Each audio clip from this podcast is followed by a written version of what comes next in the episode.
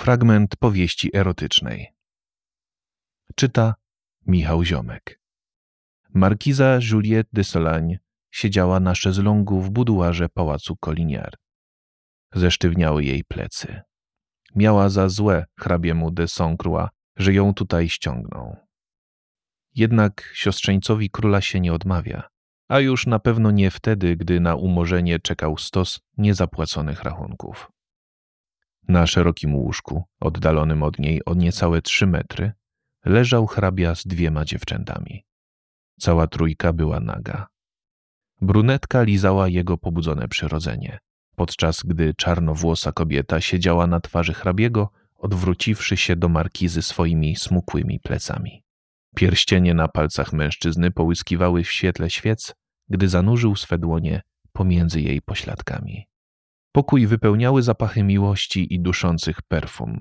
Słychać było głośne dyszenie i jęki wydobywające się z dwóch gardeł. Lustro na komodzie pozwalało Markizie obserwować twarz czarnowłosej dziewczyny. Miała zamknięte oczy, bladą cerę, cienkie, niczym namalowane tuszem brwi i usta przypominające wypłowiały kwiat róży. Brunetka zmieniła pozycję. Podczołgała się do hrabiego, kucnęła nad nim i wbiła się na jego twardego penisa. Gdy całkiem w niej zniknął, zaczęła się po nim ślizgać w górę i w dół. Kręciła miednicą jęcząc, przy tym głośniej niż przed chwilą. Hrabia zabrał ręce z pośladków Christine i popchnął jej tułów do przodu, opierając go na brunetce. Dziewczyna poddała się jego ruchom, jak gdyby była lalką. Złabią za piersi, Bel. Gładzi jej sutki tak długo, aż staną się twarde.